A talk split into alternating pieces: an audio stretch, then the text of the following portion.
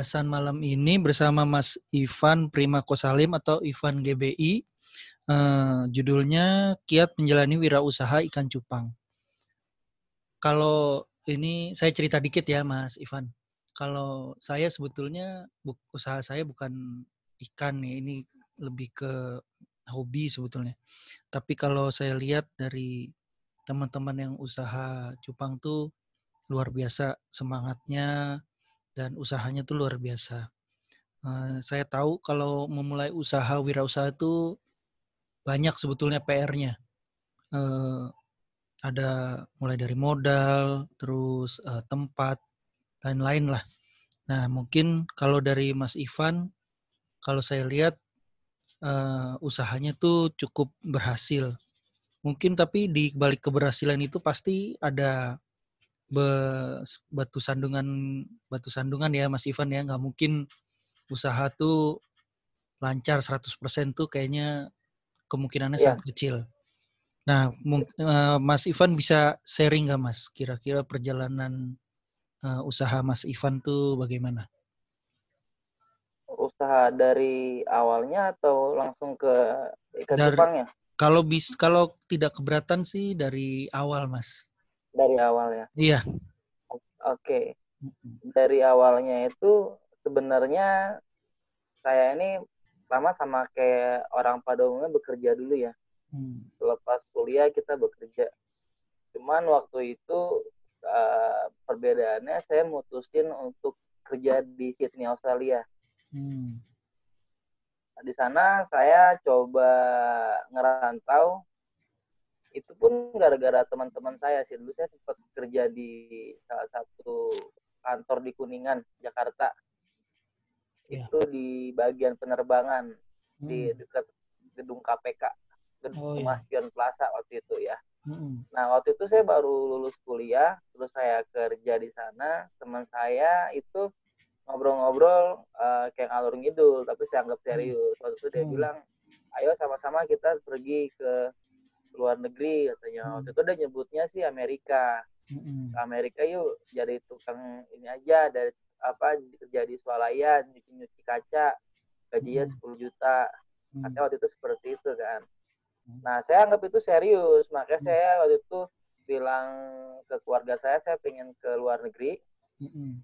terus saya um, bilang sama orang tua saya saya pengen terbang ke Australia waktu tiba-tiba saya gitu kan mereka pada kaget kali ya karena saya tiba-tiba ngomong begitu akhirnya saya ngajuin resign saya ngurus visa ternyata pas mau udah keterima teman saya berdua bohongin saya gitu loh mm. jadi saya akhirnya terbang sendiri mm. terbang sendiri ke Australia nah di situ saya kerja itu bukan kerja kantoran saya kerja mm. kasar jadi saya saya pernah kerja di pasar ikan manggul-manggul gitulah hmm. saya juga pernah jadi tukang sampah Hmm. Saya juga pernah jadi tukang cuci piring di kafe.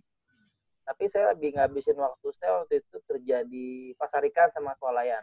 Hmm. Jadi saya awal-awal dia kerja di Australia uh, dan saya ngumpulin uang. Hmm. Ngumpulin uang karena saya pingin di rumah waktu itu targetnya kan. Hmm. Nah itu akhirnya uh, saya jalanin kurang lebih ya tiga tahunan. Hmm. Setelah saya Kenapa nak? Ya, terus Mas. Setelah saya kembali ke Indonesia, saya udah punya rumah kan, tapi masih hmm. nyicil. Hmm. Di Gading Serpong waktu itu. Nah, terus saya buka usaha plastik waktu itu. Makanya nama saya kan Ivan Plastik kalau di e-commerce. Oh iya, benar, benar. Iya, itu asal hmm. usulnya karena saya uh, kerja di bagian Mas tahu ini enggak tahu orang-orang yang memungutin apa bukan memungutin kayak ngepulin sampah-sampah. Iya, tahu. Mm-hmm. Nah, mm. yang ada kardus, mm. ada sampah plastik. Nah, saya salah satu yang kerja di situ, mm. di usaha itu. Nah, mm. jadi saya uh, kerja di selama saya pulang dari Australia itu saya kerja itu, ngebangun itu. Mm. Dan nah, akhirnya saya berjalan selama kurang lebih empat tahun ya Hmm. Waktu itu itu jatuh bangun juga. Jadi dari waktu itu usaha itu dari yang lancar terus kurang lancar hmm. karena dia sangat sensitif dengan segala hal yang terjadi di negara. Hmm. Kayak Indonesia eh, ekonomi lemah kena dia sangat terpengaruh lah mengikut mengikuti mengikuti ini.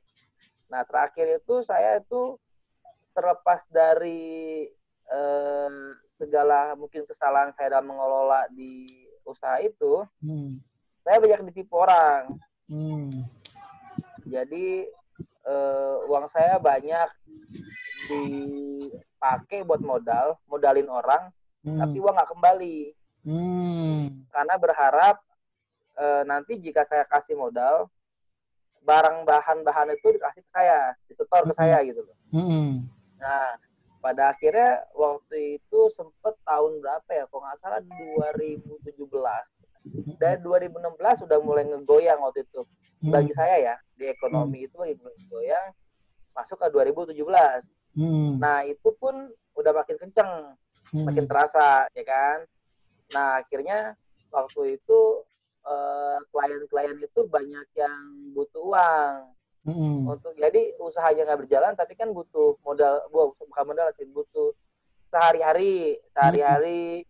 Butuh modal ada juga yang butuh modal tapi ya di, di momentum itu beberapa klien yang kita kasih pinjam uang tidak balik. Mm-hmm. Sedangkan uang yang kita pinjam yang kita pinjam itu kan berasal dari uang bank juga yeah. gitu karena kan butuh modal. Oh, pinjaman ya. Uh, pinjaman, pinjaman. Mm. Nah, akhirnya uh, berjalan waktu pada saat mereka sudah mulai macet, saya mutusin untuk ngelola sampai ke biji plastik.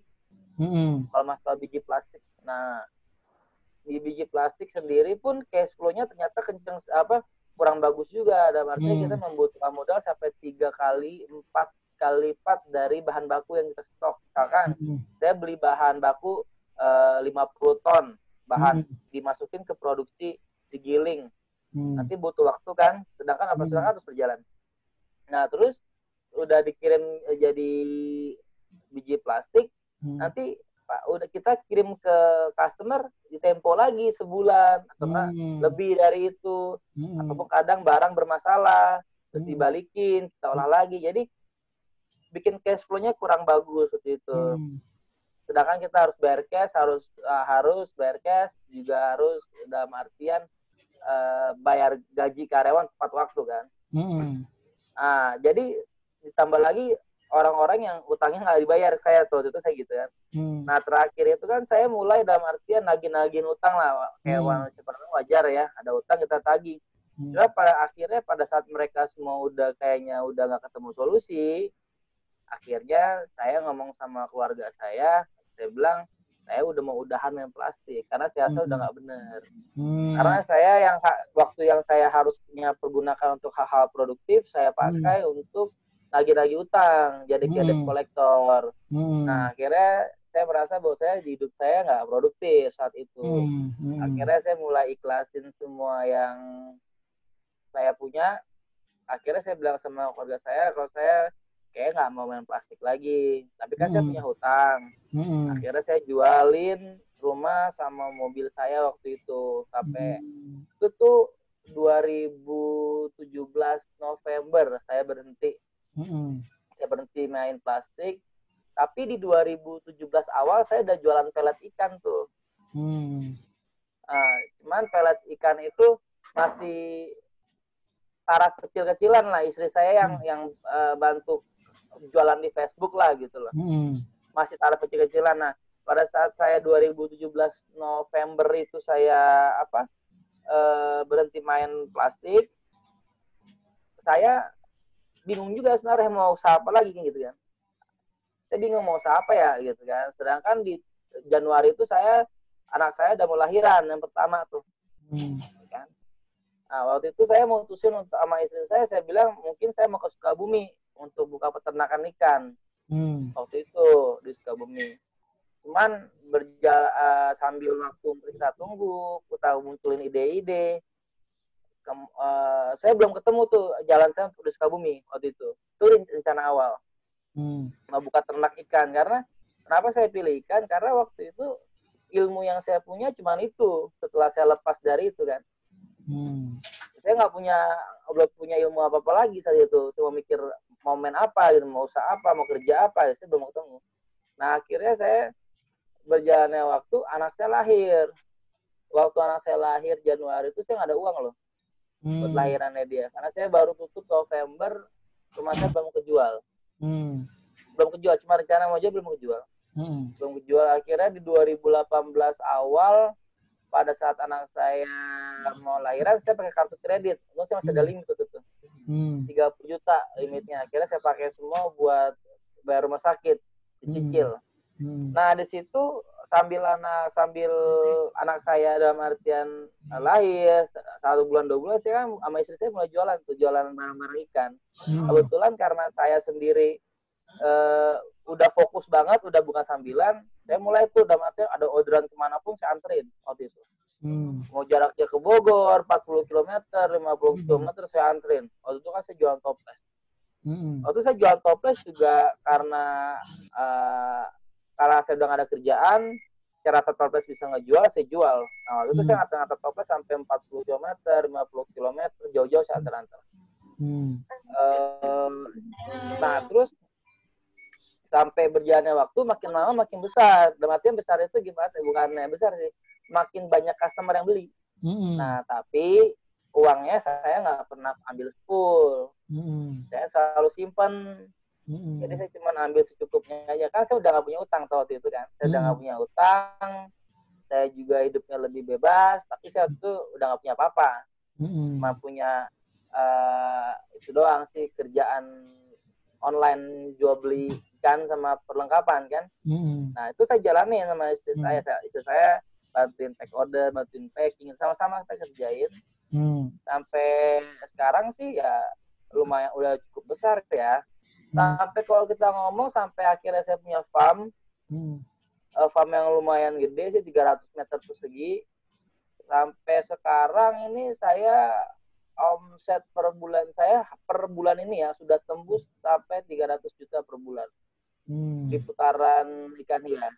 Hmm. Mungkin potongan kita seperti itu doang. oh, hmm. berarti sebetulnya Mas Ivan nih kalau dari titik Mas pivot ya kalau secara uh, bisnis jadi Mas ngambil pivot uh, merubah bisnisnya menjadi bisnis ikan itu kurang lebih tiga tahun ya sampai sekarang ya? Iya iya iya.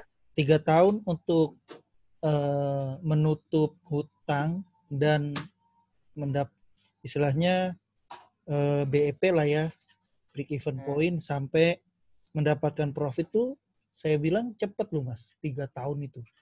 Karena rata-rata kalau usaha itu mungkin ya satu banding berapa lah ya kalau bisa profit di tahun pertama sampai tahun ketiga tuh nggak banyak kalau menurut saya. Untuk kalau saya bilang mas tuh luar biasa nih. Nah itu kuncinya di mana tuh mas?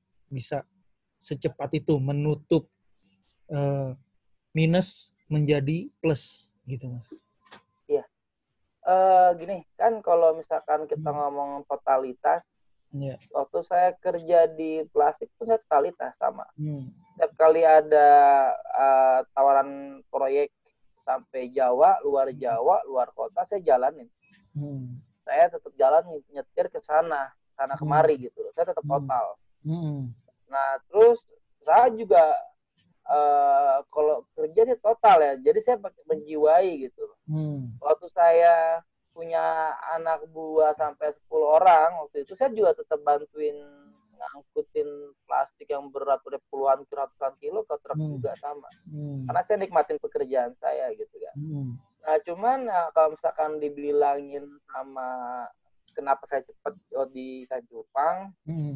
waktu masa momentum saya jatuh itu hmm waktu sebenarnya saya juga sama-sama total total sama cuma bedanya mungkin waktu di Kancupang saya itu bebannya agak sedikit kali ya mm. jadi keinginan saya tuh nggak gitu banyak selain uh, mencoba bangkit mm-hmm. nah kalau dulu kan saya punya uang misalkan penghasilan saya belasan juta puluhan juta tapi kan banyak yang lari-larinya untuk cicil-cicilan iya yeah. nah cicil-cicilan kan mm-hmm. cicil rumah mm. cicil mobil waktu zaman waktu itu nah pada saat terlepas saya sudah jual semua aset saya, saya udah punya utang. sama Hmm. sekali sudah tidak punya utang. Saya hidup Hmm. bebas gitu. Hmm.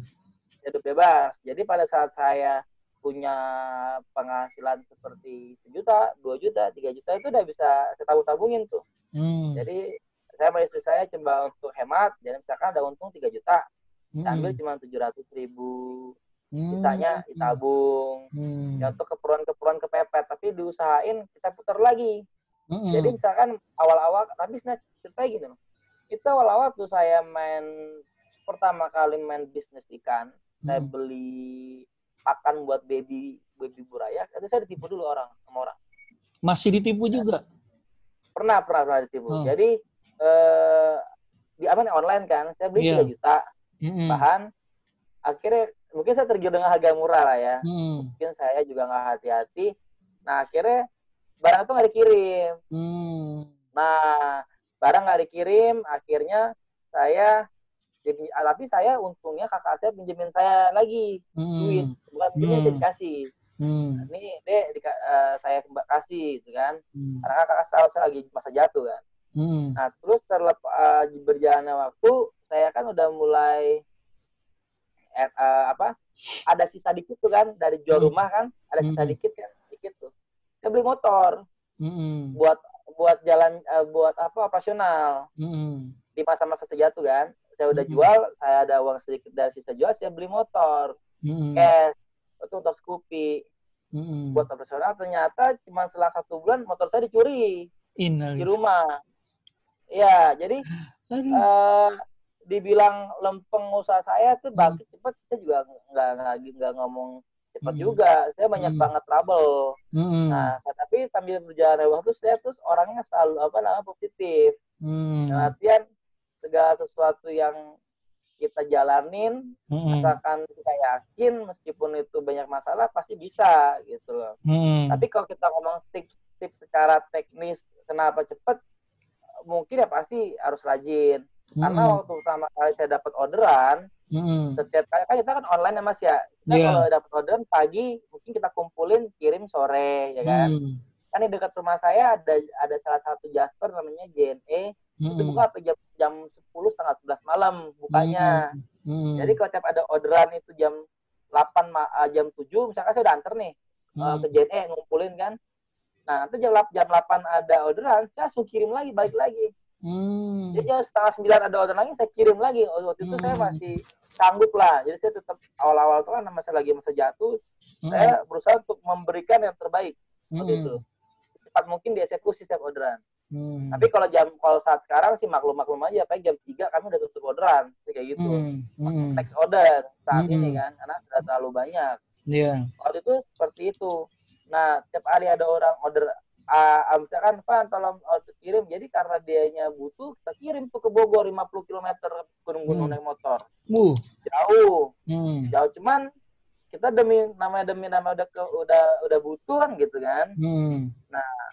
Kar- kalau misalkan kita ngomong lagi ya mungkin karena waktu itu saya cepet banget setiap kali ada orderan trust jadi kepercayaan orang ke saya cepet naik waktu itu Hmm. cepet dulu gitu kan Hmm. Mungkin salah satunya yang bikin saya cepet waktu itu sama istri saya cepet naik mungkin gara-gara itu kepercayaan orang ke kami itu sudah besar Iya. gitu ya. Hmm. itu mas Iya iya. Ini berarti kan eh, Mas ini berarti selalu positif dan yakin ya kalau jalan usaha tuh. Eh, nah sebetulnya saya juga kan eh, usaha mencoba macam-macam lah ya. Eh, pernah beberapa kali bangkrut juga. Nah itu sebetulnya untuk dari titik nol itu sampai kita start lagi tuh itu susah banget mas kita ada kayak traumanya, terus kita ada, aduh beras, nanti gini lagi nggak ya?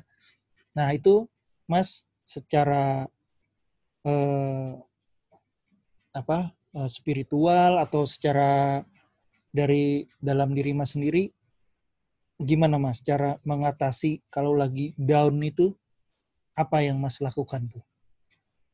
oh iya saya- Hmm. oh iya paham Iya. jadi gini mas kalau ini saya pribadi ya mas Mm-mm. Eh, saya pribadi ya. Eh, kalau saya pribadi orangnya gini mas, karena kan saya punya prinsip, saya ini kan lahir ini kan nggak bawa apa-apa mas. Hmm. Selain nggak bawa apa-apa, saya itu selalu berpikir saya ini juga mati akan nggak bawa apa-apa gitu. Hmm. Jadi saya tuh nggak takut bangkrut mas ya dulu mas. Sampai saya harus kalian pun ngontrak-ngontrak rumah gitu, saya pun nggak bakal hmm. takut gitu. Hmm. Karena saya punya uh, tenaga masih kuat lah untuk jadi yeah. kuli panggul gitulah. Hmm. Jadi saya selalu berpikir apa pun yang terjadi, saya tetap bisa tetap bisa kerja sih meskipun saya harus ngontrak rumah nyari makan lima puluh ribu sehari pun saya bisa bisa. Hmm. Jadi saya setiap kali itu saya uh, punya uang, saya punya hmm. apa pun, hmm. jalanin aja. Jadi kalau misalkan hmm. nanti sayanya hmm, apa namanya jatuh ya nggak masalah, nanti saya coba lagi. Kalau jatuh lagi, ya coba lagi hmm. gitu sampai nanti akhirnya berhasil. Hmm. Cuman memang karena saya sudah berkeluarga, yang paling saya takut itu istri saya sama anak saya nggak bisa hidup susah. Hmm. Di saat kita di saat masa-masa kita lagi jatuh kan. Hmm, betul. Itu aja. Cuman kalau secara kita kalau saya masih bujangan pribadi masa babas-babas aja. Uh, nggak nggak terlalu mikirin harta lah begitu. Memang kita punya ambisi. Hmm. Kita pengen ambisi sebenarnya. Hmm. Cuman uh, masalahnya ambisi saya ini sekarang uh, tidak sampai materi-materi terus enggak lebih hmm. ke anak gedenya gimana motivasi beda itu hmm. masalah masih bilang trauma-trauma di awal sih sebenarnya jangan telah jangan terlalu trauma sih mas jalanin hmm. aja mas kalau gagal coba lagi yeah. gagal coba lagi hmm. ya sih kalau gagal coba lagi hmm. gitu kalau habis uangnya habis ya coba pinjam aja sama siapa pun kita tinggal balikin gitu kan ini ya intinya yeah. kita kalau niat niat sih pasti bisa sih Iya. Gitu sih. Ah. Iya, iya, iya. Nah, untuk memulai ini nih waktu awal, Mas ada ini nggak perencanaan usaha gitu atau coret-coret, kalkulasi gitu, Mas? Ada nggak, Mas? Oh, enggak. Enggak ada, saya jalan, jalan aja. aja. Jalan aja. Yang hmm. saya coret-coret itu cuma laporan keuangan. Oh, tetap harus ada laporan keuangan. Ah, ada, ada, ada. Hmm. Uh, jadi laporan keuangannya saya coba, memang saya nggak pinter-pinter banget ya masalah hmm. laporan, cuma saya coba paling tidak mendekati titik di mana supaya saya tahu perjalanannya. Hmm. Dalam artian profitnya berapa, hmm. uh, jumlah stok ada berapa, Hmm. saya coba. Jadi kalau misalnya nggak, pokoknya saya tahu target itu eh, tiga puluh persen dari keuntungan ambil sisanya simpen hmm. gitu terus gitu terus sampai hmm. sampai sekarang masih masih kayak gitu hmm iya ya uh, kalau dari sisi ikan dulu nih pertama kali yang mas uh, Ivan jual tuh ya. Jenis apa mas uh, oke okay. untuk ikan ya kalau hmm. kita bahas dari saya sambilan saya sambilan hmm. dari 2013 kalau sambilannya hmm 2013. Itu ikan-ikan jenis-jenis uh, masih hias bester best girl, jadi masih ikan-ikan umum lah mm-hmm. yang saya beli di petani-petani gitu. Mm-hmm. Waktu itu tahun-tahun awal saya apa mencoba untuk sampingan itu, itu jual lima ribu aja susah loh nyari untung. Mm. Waktu itu posting berkali-kali nggak ada yang beli. Mm. Tapi mungkin ini yang dialamin sama hampir setiap orang yang baru mulai sih. Yeah. Jadi kalau misalkan saya ngomong saya telusur saya telusurin lagi mungkin karena waktu itu kita belum paham targetnya apa pasarnya apa hmm. ngarahnya ke mana hmm. gitu loh ikan hmm. yang bagus kayak gimana tapi hmm. sebenarnya bukan masalah ikan bagus sih ikan yang jel, yang biasa aja gitu lah buat hmm. anak-anak SD pun bisa kejual gitu hmm. asalkan pasarnya kita dapet hmm. market arahnya gitu iya iya iya nah itu kebetulan nih Mas uh, ngomongin target market nih. Kan sebetulnya kalau ikan cupang itu masuknya ke niche market banget ya maksudnya dia mengerucut banget sampai kalau di kalau di grup saya kan saya bisa lihat tuh uh, statistiknya tuh itu 99,9 persen mungkin tuh cowok nggak cewek cuman paling ya sedikit lah pun 5 10 nah itu kalau dari Mas sendiri pada saat memulai itu sadar nggak kalau sebetulnya ikan cupang itu benar-benar pasarnya itu spesifik gitu? Enggak. Enggak sadar, belum belum sadar waktu itu. Uh, saya bukannya belum sadar, saya hmm. sih kalau laki-laki pasti rata-rata hmm. laki-laki. hmm. cuman yang saya lihat itu potensi hmm. nah, kalau saya saya kalau saya perhatikan saya kaji hmm. kenapa sih uh, ikan cupang itu kayaknya penghobi ataupun penghobi lah itu makin hari makin banyak hmm. penghobi barunya makin banyak yeah. itu karena ada daya tarik dari peluang bisnis. Hmm. Karena kalau kita bicara-bicara ikan cupang itu uh, modalnya nggak butuh banyak-banyak banget sebenarnya. Hmm. Kalau kita pengen mulai ya, hmm. gitu loh. Jadi hmm. uh, kunci dari kenapa pemain ikan itu apa terus bertumbuh itu karena hmm. ada potensi pasar di sana hmm. dan modal yang terjangkau. Yeah. Makanya orang mencoba untuk mencoba breeding apalagi hmm. kalau orang sudah pernah satu kali beli beli murah akhirnya dia breeding dan berhasil dia mungkin mungkin terpacu termotivasi hmm. jadi karena saya yakin dalam artian ikan cupang itu potensinya selalu bermunculan hmm. di, uh, di dari hari demi hari hmm. jadi saya yakin pasti tidak akan pernah putus hmm. pasar market pasarnya gitu iya iya iya hmm. kalau dari uh, Mas sendiri antara ikan dan perlengkapan profitnya besar mana Mas? Kalau misalkan kita ngomong margin, hmm. lebih besar ikan harusnya. Hmm. Harusnya karena dia nggak ada patokan persen-persenan kan. Yeah. Mungkin kita bisa beli sepuluh ribu jual seratus ribu, itu kan udah hmm. 10 kali lipat.